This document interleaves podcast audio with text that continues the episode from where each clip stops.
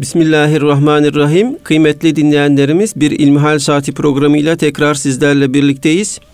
Yüce Rabbimizin selamı, rahmeti ve bereketi üzerimize olsun efendim. Sizlerden bize ulaşan ilmihal sorularını değerli hocamız Doktor Ahmet Hamdi Yıldırım cevaplandırıyor. Muhterem hocam, ilk sorumuz şu şekilde. Efendim İstanbul'da oturmaktayım. Evim kira. Devletimizin dün açıkladığı ziraat katılım ya da vakıf katılım aracılığı ile konut kredisi ile ev sahibi olmamızda sakınca durumunu caiz olup olmadığını öğrenmek istiyorum. Bu konuda dinimizin hükmü nedir diyor. Teşekkür ediyor dinleyicimiz. Elhamdülillah Rabbil Alemin ve salatu ve selamu ala Resulina Muhammedin ve ala alihi ve sahbihi ecmain. Bir konut sahibi olmak, mesken sahibi olmak, insan olarak yaşamımızı sürdürebilmemiz için gerekli olan ihtiyaçlarımızdan birisidir. Yani sokakta, açıkta kalma imkanımız yok. Barınabileceğimiz bir dört duvar arasına girme ihtiyacımız var. Özellikle de memleketimiz e, kışın çetin şartlar taşıdığı için yağmurdan, çamurdan, soğuktan, sıcaktan korunmak için bir ev ihtiyacı olmazsa olmaz. Ancak bu ev ihtiyacı kirayla karşılanabiliyorsa ve e, çalıştığımız bir işimiz, maişetimizi, geçimimizi temin ettiğimiz bir meşguliyetimiz, bir ticaretimiz var ve bununla beraber kiramızı ödeyebiliyor, hayatımızı da devam ettirebiliyorsak bu ihtiyacımızı böylece karşılıyor olmuşuz demektir. Söz konusu olan e, evin illa da bizim mülki, mülkiyetimizde olması gerekmiyor. Bizim mülkümüz olması gerekmiyor. Bu yönüyle eğer başımızı sokabileceğimiz ve e, kirasını ödeyebileceğimiz bir ev bulabiliyorsak burada otururuz. Nitekim birçok parası pulu olan, ticaretle meşgul olan kimse imkanı olduğu halde parayı evine yatırmıyor da kirada oturuyor, ticaret yapıyor onunla. Bu kimseler kirada oturuyorlar diye bir efendim kendilerinde bir gerilikte hissetmiyorlar. Bu yönüyle e, illa bir ev sahibi olmak, evin mülkiyetine sahip olmak bir psikolojik şartlanma olarak karşımıza çıkıyor. Ama değerli hocam, e, İslam tarihine Peygamber Efendimizin hayatına baktığımızda e, mesela Medine'ye hicretlerinde e, muhakkaten e, misafir olarak kalıyor Ebu Eyyub el Ensari Hazretlerin evinde. Daha sonra mescidin bir mescit arsası alınıyor ve onun etrafında hücreler yapılıyor. Yani İslam tarihimizde böyle e, kiralama usulü e, var mı yoksa e, sonradan modern zamanlarda mı çıktı bu olay? Şimdi tabii o bir bahsi diğer. E, kiralama usulü veya birinin evi var size meccanen veriyor kira ödemeksizin orada kalabiliyorsunuz. Bunların hepsi ola gelmiş şeyler. İslam'ın ilk döneminden itibaren yani satın alma dediğiniz şey de uzun vadeli bir kiralamadır. Basri Hocam. Yani en fazla e, yaşadığınız sürece orada oturursunuz. Ondan sonra bırakacaksınız, gideceksiniz. E sizin çocuklarınız, e sizin çocuklarınız da belli bir müddete kadar orayı kullanabilirler. Nihayetinde yıkılır vesaire filan olur gider. Mevzumuz bu değil. Ama eğer bir kimse e, bir ev sahibi olmayı artık bir takıntı haline getirmişse ki bunu ben bir psikolojik durum olarak izah ediyorum. Yani hakikaten e, her ay kira ödemek durumunda olan bazı kardeşlerimize bu ödedikleri kira adeta boşa ödenmiş bir meblağ gibi geliyor. Adam mesela 300-400 bin liralık bir evde oturuyor. Bin lira bir kira veriyor. O verdiği bin lirayı gözünde büyütebiliyor. Halbuki o evin sahibi olmaya kalksa 400 bin lira gibi bir meblağ ödemesi lazım. Onu gözü kestirebiliyor yani nihayetinde benim olacak diyor. Bütün mesele insandaki bu benim, bana ait e, meselesi. Ama eğer bu bir e, psikolojik e, hastalık haline gelmişse, yani illa bir evim olsun diye bir takıntı haline gelmişse, öncelikli olarak bunu herhangi bir krediye vesaireye bulaşmadan kendi öz imkanlarımızla karşılamanın yoluna bakmalıyız. Bunun da yolu efendim e, eğer ev bir ihtiyaçsa ki hepimiz bunun ihtiyaç olduğunu kabul ediyoruz. Bu ihtiyaca göre bir ev alımı yapılmalı. Söz gelimi yeni evlenmiş bir çiftse bir artı bir bunların işini görebilecek demektir. Böyleyken yani gidip de ben 3 artı 1, 4 artı 1 bir ev alayım diye bir lüksün içerisine girmenin alemi yok. Bir artı bir efendim e, İstanbul'un e, biraz daha böyle kenar mahallelerinde 200 bin liraya 250 bin liraya çok rahat bulunabilecek yeni olarak bulunabilecek bir mesken. Burada hayata başlamalı. Daha sonra işte çocuk olup da artık onların bir mahremiyeti söz konusu olduğunda o güne kadar yapılmış olan tasarruflarla, birikimlerle belki bir başkası alınabilir. Şimdi burada e, şunu yapmaya çalışmıyoruz. Yani bir emlak danışmanlığı meselesi e, gütmüyoruz burada. E, bu noktada da e, arkadaşlarımızı, kardeşlerimizi yanlış yönlendirmiş olmayalım.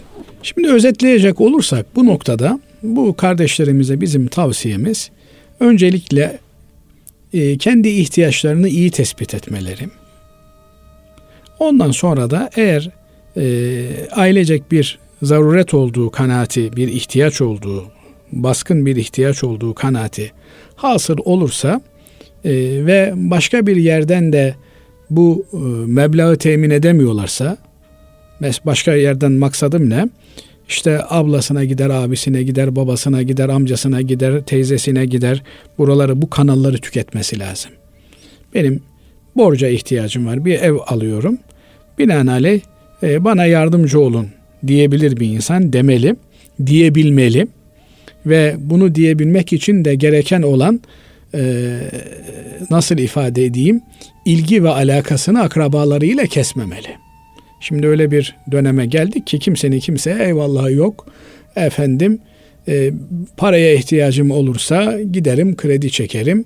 Bir şeye ihtiyacım olursa kimseye e, benim gidip de dert anlatmama gerek yok. Şuradan karşılarım, buradan karşılarım diye böyle bir döneme girdik. E, bunlar doğru değil. Binaenaleyh eğer bütün kanalları tüketmiş hakikaten kimseden de bir yardım göremiyorsa, kirayı ödemesinde de bir zorluk varsa, bir güçlük varsa, yani ancak e, ödediği e, kira ile geri kalanın kendi boğazına yetmesi gibi bir durum söz konusu ise o zaman e, bu tür kanallara müracaat ederek yani e, kar payı üzerinden e, bir ev sahibi olma cihetine gidebilir. Evet. Allah razı olsun değerli hocam. Şimdi diğer bir izleyicimizin sorusuna geçiyorum. Diyor ki selamun aleyküm öncelikle. Sizlere bir sorum olacak. Geri ödemeli kredi yurtlar kurumu bursu caiz midir?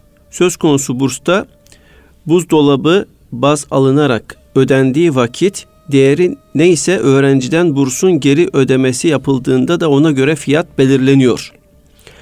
Aynı zamanda şunu da merak ediyorum. Hanefi mezhebinde bu konuyla alakalı alimler arasında ihtilaf var mıdır? Çünkü YouTube'da bazı hocaların açıklamasına baktım. Bazı hocalar caiz değildir derken bazı hocalar caiz diyor. Bu konuda bizi aydınlatır mısınız diyor. Şimdi burada da yine e, başta anlattığımız meselelere atıfta bulunmamız gerekiyor. Bir kardeşimiz düşünün Anadolu'nun bir köyünden İstanbul'a kalkmış, İstanbul'da okuyacak. İstanbul'a yeni gelen bir kimsenin hayat şartlarına intibakı kolay değil. Devlet bu e, öğrencilerin ihtiyaçlarını karşılayabilmeleri için cüzi bir miktarda burs veriyor.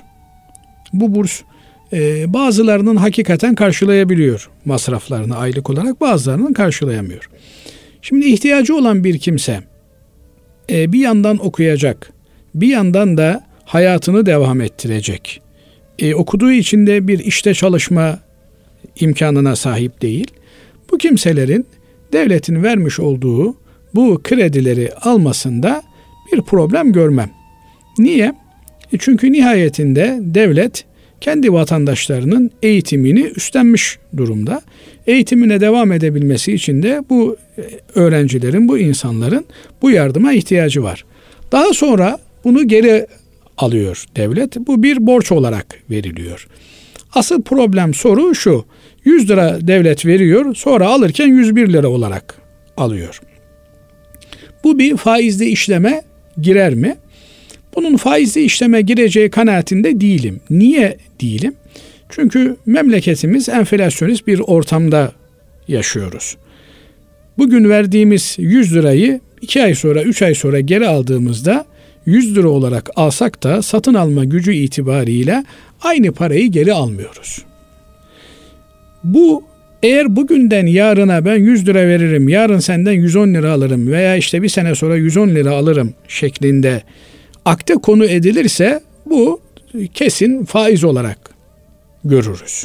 Yani bunun faiz olduğunda şüphemiz olmaz. 100 lira veriyorum 10 gün sonra 110 lira alırım veya bir sene sonra 110 lira alırım dersem. Fakat ben sana verdiğim 100 liranın bir sene sonra, iki sene sonra, üç sene sonra ki e, bildiğim kadarıyla da bir iş sahibi olduktan sonra devlet bunun tahsiline başlıyor. Yani sen mezun olduktan sonra bir işe girdin mi, işe girdiğinde devletin sana yapmış olduğu bu yardımı geri ödüyorsun.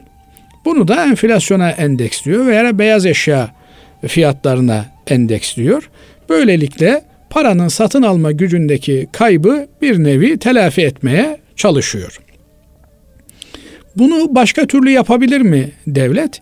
Devletin e, para politikaları açısından başka türlü yapması mümkün görünmüyor.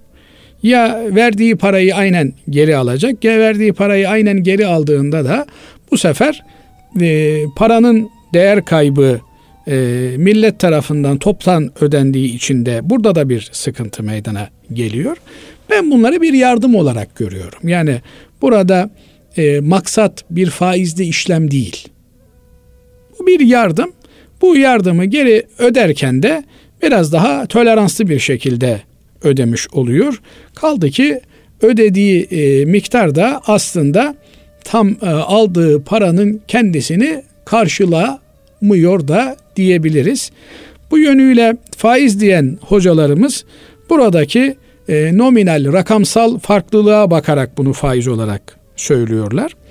Diğer taraftan bu bir faiz değildir diyen hocalarımız da burada bir e, ticari bir faaliyet yok. Burada bir e, tüketim faaliyeti yok. Burada devlet öğrencisine burs veriyor, verdiği bursu da geri alıyor. Belki bunun yerine şöyle bir şey de e, yapabilir. Ama o zaman daha fazla bir kayıp söz konusu olabilir. Efendim bu sene devletin e, öğrencilere vermiş olduğu burs miktarı 100 liradır. 100 lirayı alan öğrenci bir sene sonra, üç sene sonra, beş sene sonra o sene öğrenci başına verilen burs miktarı neyse onu geri öder. Veya şöyle bir sisteme de gidebilir ki bence böyle bir sistem daha e, hakkaniyetli olmuş olur. Eğer sen devletin verdiği bursla okumuşsan sen de halin vaktin e, uygun olduğunda e, bir öğrenciye burs verirsin. Böylelikle e, kendin bursta okuduğun gibi kendinde yine bir öğrenciyi bursla okutmuş olursun. Böyle bir sisteme de geçebilir ama bütün bunlar için e, daha hassasiyet gerektiğinden sebep olsa gerektir ki devlet işi daha basite indirgeyerek beyaz eşyaya endekslemiş ve vermiş olduğu burs miktarı beyaz eşya üzerinden e, aradaki e, fark ilave edilerek daha sonra telafi ediliyor. Bunu bir yardım olarak görmek lazım. Yardım geri dönüşümlü olur mu? E, olabilir. Yani e, ben sana tencere, tenceremi verdim, pişirdin orada yemek. Yarın da sen bana tencereni verirsin, pişiririm. Bunlarda e, akitlerde olduğu gibi çok e, sert kurallar olmaz. Yani bu yardımlaşmalarda daha esnek e, oluruz biz. Elbette e, yarın da sen bana yardım edersin diye bugünden bir e, yardım yapmak ahlaki bir davranış değildir. Ama ben yardım ediyorsam e karşıdaki Müslüman da bana günü geldiğinde ihtiyaç olduğunda imkanı olduğunda yardım edecek demektir. Evet. Diğer bir sorumuz şöyle efendim.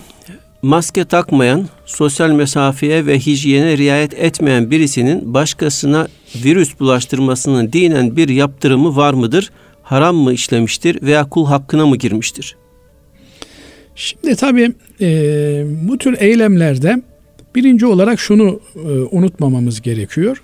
Kimseye zarar vermek yok. Kimsenin verdiği zarara katlanmak da yok. La darara ve la dırar. Kimseye zarar da vermeyeceksin, kimseden zarar da görmeyeceksin. Temel ilkemiz, temel prensibimiz bu. Yani başkasına bulaştırmayacaksın, başkasından bulaşma ihtimaline binaen de tedbirini alacaksın. Bu yönüyle e, eğer bir e, bulaşma riski varsa e, bu gibi ortamlara maskesiz girmek çıkmak doğru değil. Yani maske ile hem bulaştırmamak için hem de bulaşma almamak için maske kullanılması gerekli olur. Peki bu maske takmanın hükmü nedir? Farz mıdır, vacip midir, sünnet midir, müstehap mıdır? Eğer e, yakın bir tehlike varsa ve maske bunu önleyecekse bu maskeyi takmak üzerimize farz olur. Çünkü hayatımızı korumak ile mükellefiz. Başkalarının hayatını korumakla da mükellefiz. Ne zaman bu olur? İşte mesela Allah muhafaza etsin. Siz kendinizde korona işte bugünlerin yaygın hikayesi. E, korona 19 e, Covid-19 evet. efendim virüsü pozitif çıkmışsa yani hastaysanız bu, bu şeyi mikrobu almışsanız virüsü almışsanız o zaman sizin bunu bulaştırma ihtimaliniz çok yüksek. Öncelikli olarak siz kendinizi karantinaya almanız lazım. Evinizden dışarıya çıkmanız doğru değil. Hadi evinizden dışarıya çıkma mecburiyetiniz hasıl oldu. O zaman sizin e, maskeyi e, hem de e, yani öyle lalet tayin bir maske de değil. Hakikaten bulaşmayı önleyici bir maskeyi takmanız ve insanlarla mesafeye dikkat etmeniz üzerinize farz hale gelir. Niye? E çünkü yani sizin bulaştırma e, ihtimaliniz yüzde seksenin üzerinde. Hele de e, ileri e, safhaya geçmiş öksürüyorsanız, hapşırıyorsanız, aksırıyorsanız efendim e, sizin çok daha dikkat etmeniz gerekiyor. Bir defa evden dışarıya çıkmamanız gerekiyor. Çıkacaksanız da maskenizi takmanız gerekiyor. Elinizde eldiven olması gerekiyor. Yani hiçbir yere e, temas etmemeniz gerekiyor. Eğer temas edecekseniz eldiven takmanız gerekiyor. Bütün tedbirleri almanız gerekiyor. Ama test yaptığınızda sizde test negatif çıktı. Yani virüs yok sizde. E, buna rağmen bir ihtimal mi? İhtimal. Yani birçok kimsede 1, 2, 3, 4 test yapılıyor. Negatif çıkıyor. Beşinciye e, test yapılıyor. Pozitif çıkıyor. Yani negatif olması olmadığı anlamına da gelmiyor. Böyle bir durumda da yine ihtiyatı elden bırakmamak lazım. Ben de virüs varmış gibi tedbir olmak gerekiyor. Uzak durmak e, hem kendimize bulaşmaması hem de başkalarına bulaştırmaması açısından önemli. Mamafi e, eğer birine bir virüs bulaştırmışsak bunu bilerek yapmışsak haram işlemişizdir. Kasıtlı bir şekilde yani karşıdakinin hasta olmasına, ölümüne sebebiyet verme maksadıyla yapmışsak cinayet işlemişiz demektir. Eğer aradaki illiyet bağı tespit edilirse cinayetten e, kişiye dava açılır ve o öyle bir muamele görür. Yani şimdi hani bazen e, görüyoruz böyle e, adam hasta birinin e, burnunun dibine kadar gelmiş yüzüne aksırıyor, hapşırıyor. E burada bunu bulaştırma kastı var, riski var. Tabii siz bana bulaştırmışsınızdır da benim bünyem sağlamsa onu tolere etmiştir. Ama değilse e nitekim yani kurşunu sıkan adam da e, aynı yere aynı kurşunu sıkıyor. Biri ölüyor, biri ölmüyor. Ölen de cinayet davası görülüyor. Ölmeyen de yaralama davası görülüyor.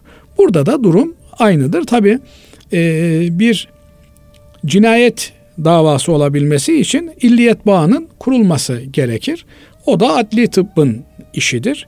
Hakikaten virüsü bu adamdan kapmış ve bu adam da virüsü kasıtlı olarak buraya bulaştırmıştır türünden bir illiyet bağı tesis edilirse e, bu, bu durumda e, cinayet işlemiş hükmündedir. Evet. Dünyevi olarak ahirete mutallik olan e, cihetle de bir Müslümana kasıtla zarar veren bir kimse eğer onun ölümüne sebebiyet vermeyi kastetmişse e, bütün insanlığı öldürmüş gibi sorumlu olur. Dolayısıyla he, ama e, bilmiyordum birine bulaştırmışım. E, ben elimden geldiği dikkati de gösterdim. E, bu durumda tabii e, insan e, göreceli olarak daha e, hafif bir sorumluluğa sahiptir. Ama ihmal varsa, taksir varsa yine bunun vebali söz konusu olur. Cenab-ı Allah hepimizi muhafaza buyursun. Amin. Allah razı olsun. Kıymetli dinleyenlerimiz şimdi kısa bir araya gidiyoruz. Aradan sonra kaldığımız yerden devam edeceğiz. Kıymetli dinleyenlerimiz İlmihal Saati programımıza kaldığımız yerden devam ediyoruz. Değerli hocamız Doktor Ahmet Hamdi Yıldırım sizlerden bize ulaşan soruları cevaplandırıyor. Muhterem hocam Şevval ayında tutulan oruç nedir? Neden Ramazan ayında tutulan oruçla eş değer kabul edilmiştir? Şimdi tabi Ramazan ayında tutulan oruçla eş değer kabul edilmesi diye bir şey söz konusu değil. Ramazan ayında oruç tutmak hepimizin üzerine farz. E, hatta hasta olana da farz, yolcu olana da farz.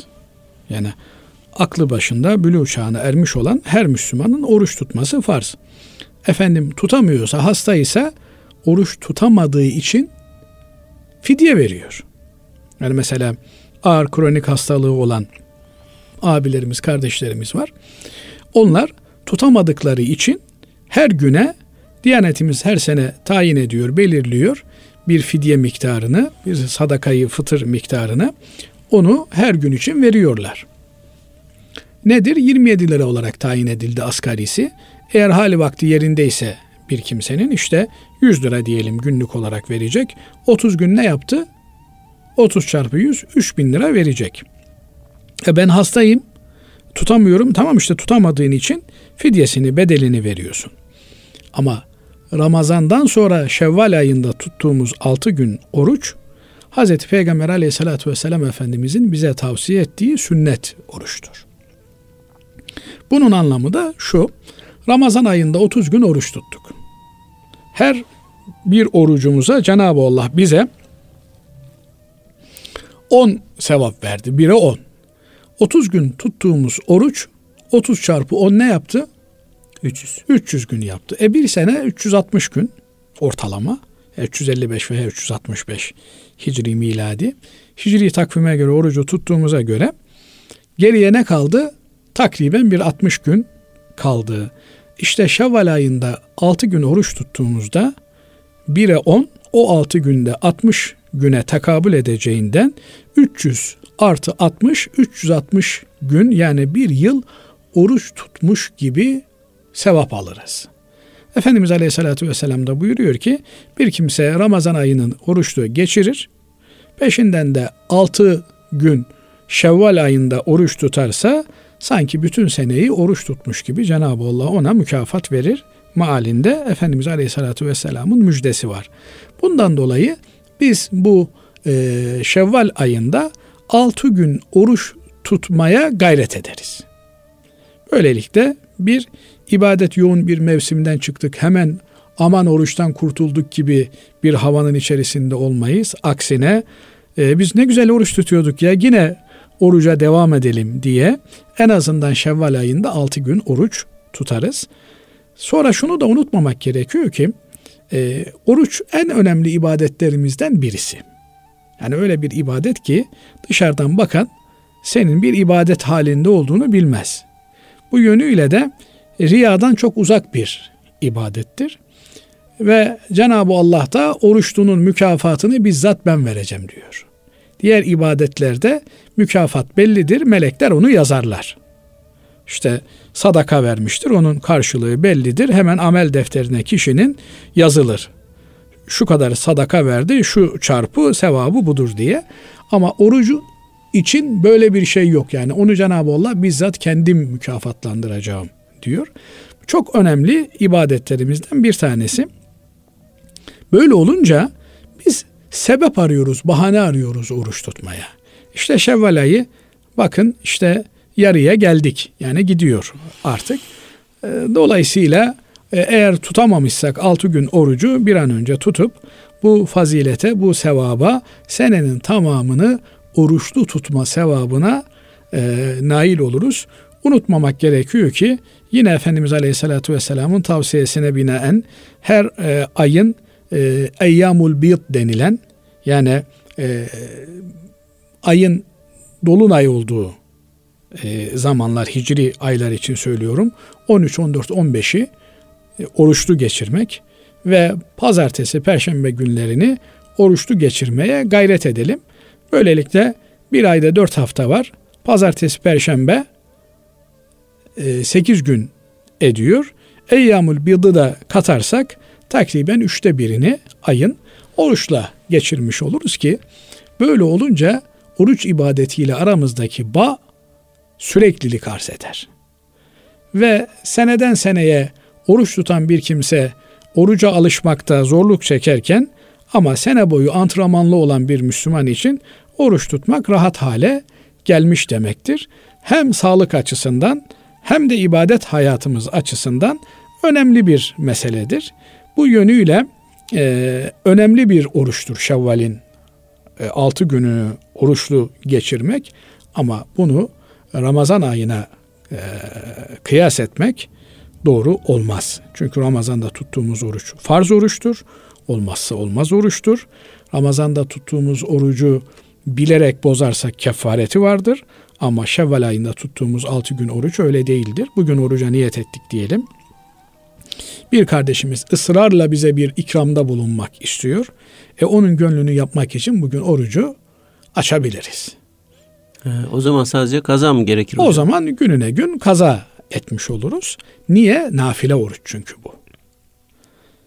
Ama e, şimdi şöyle bir şey de akla gelebilir tabii Basri Hocam. Ya ben Allah için oruç tuttum ama Basri Hoca'nın rızası için e, orucumu açsam şimdi olur mu?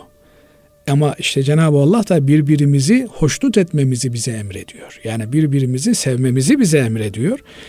Binaenaleyh ben aslında Basri hocamı memnun etmek için değil, Rabbimi memnun etmek için gayret ve çaba içerisindeyim. Onun yolu da işte Basri hocamı memnun etmekten geçiyor mesela. Böyle bakmak lazım olaya. Ee, böyle olunca da biz e, her halükarda kazançlı çıkmış oluruz inşallah. İnşallah. Efendim bir diğer sorumuz şöyle. Kur'an-ı Kerim'de Allah'ın her yerde var olduğu belirtildiğine göre namaz kılarken neden belli bir istikamete dönülmektedir? Çünkü Cenab-ı Allah bize kıbleye dönmemizi, Mescid-i Haram'a, Kabe-i Muazzama'ya dönmemizi emrediyor.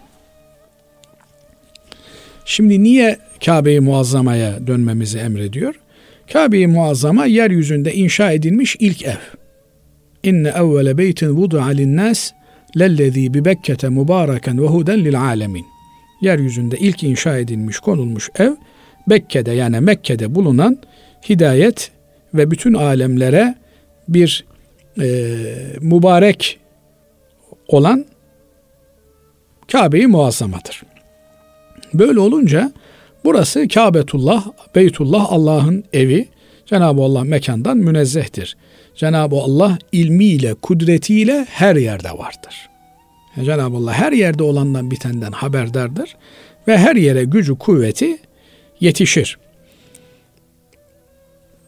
Cenab-ı Allah burayı kendisinin evi olarak bize tanıttığı için yeryüzünde ilk beyt olarak, ev olarak, ilk mescit olarak tanıttığı için bu ana mescide dönmemizi bize emrediyor. Yani burayı bizim namazlarımızda, ibadetlerimizde yöneleceğimiz bir yer olarak tayin etmiş. Ha, niye burayı tayin etmiş de başka yeri tayin etmemiş diye soracak olunursa e, o zaman başka yeri tayin etmiş olsaydı aynı soru orayla ilgili sorulacaktı.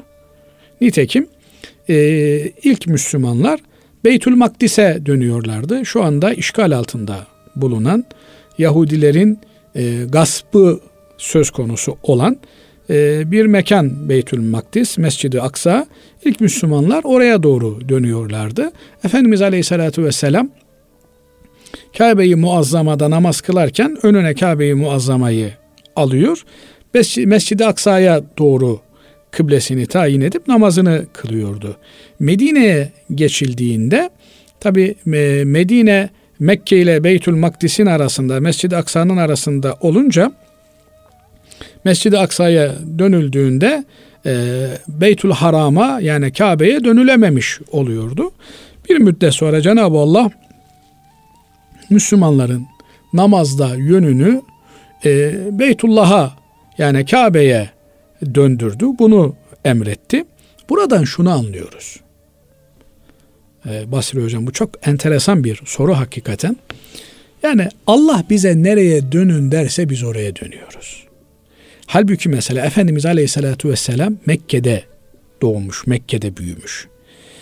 Ee, Mekke'de Kabe-i Muazzama bütün dünyadan insanların geldiği ve haç yaptığı bir yer. bütün Arapların kutsal kabul ettikleri bir yer.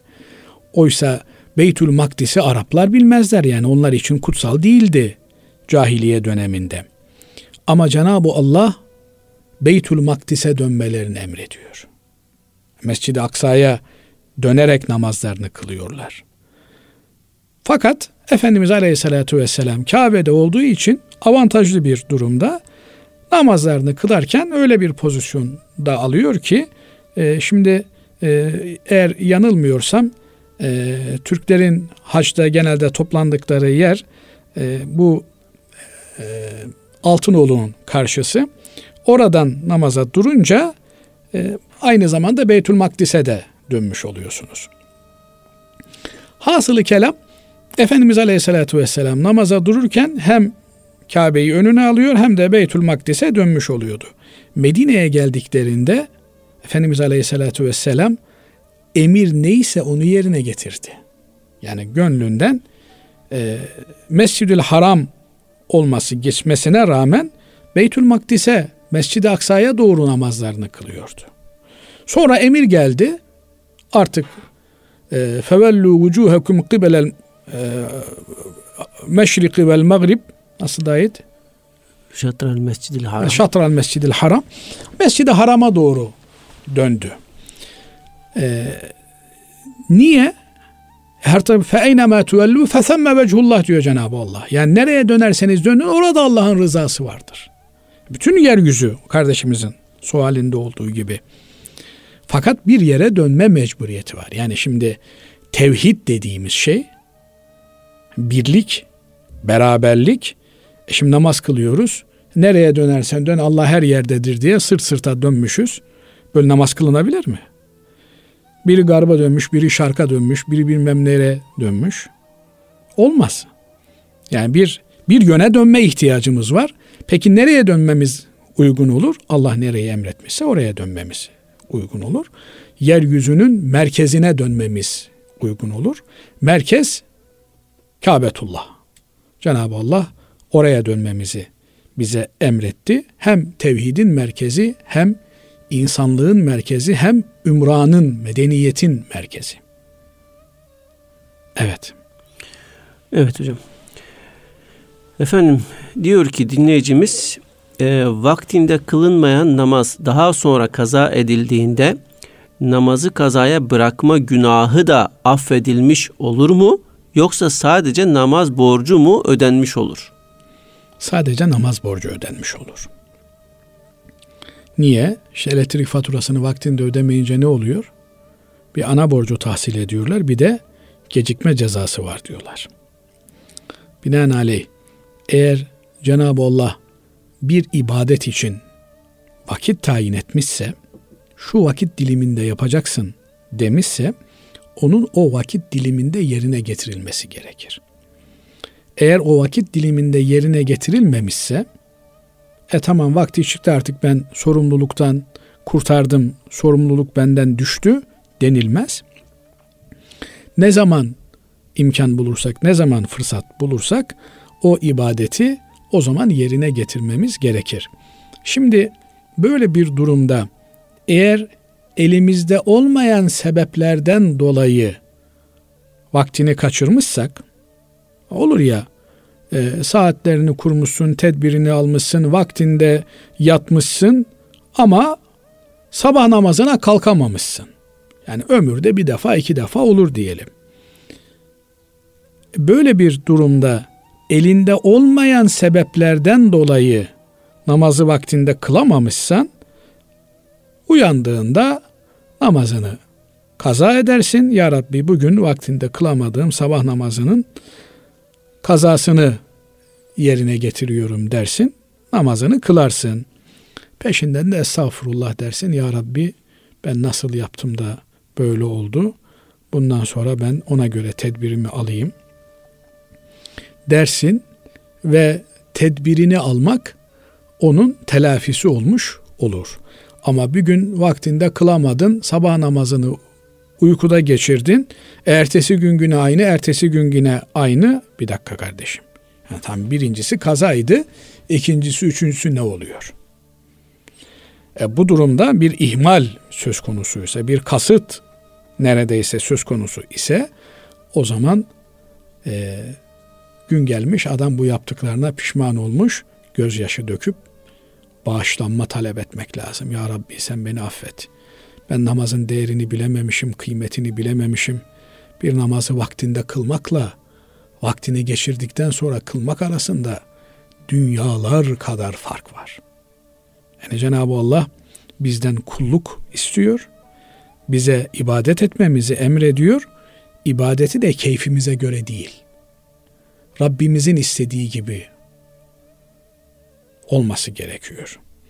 Yani şimdi siz e, çaycınızdan çay istiyorsunuz. Bir saat iki saat gelmiyor. E kardeşim çay istemiştim getirmedin niye getirmedin? Ya hocam bu saatte çay getirsem çarpıntı yapardı. Ne dersiniz? Ya müsaade et de onu ben takdir edeyim dersiniz.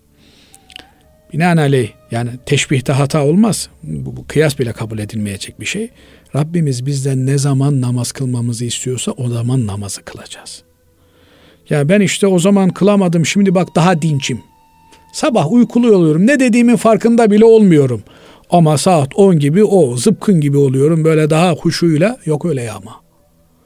Sabah vaktinde namazını kılacaksın hem de dingin bir şekilde kılacaksın, huzurlu bir şekilde kılacaksın, namaz gibi kılacaksın. Yapamıyorum, tedbirini ona göre alacaksın, saatini ona göre ayarlayacaksın.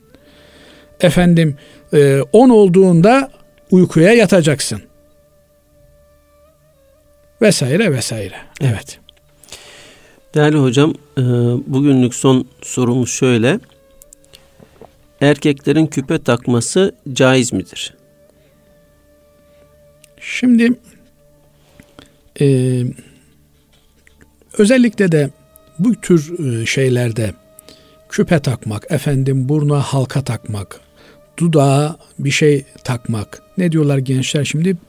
Piercing mi diyorlar? Bilmiyorum. Öyle metalleri kaşına takıyor, kulağına takıyor, bilmem başka bir yerine takıyor. Ee, kadınlar için süslenmek temel bir e, kabuldür. Kadınlar kendileri zaten bir süstürler, bir zinettirler.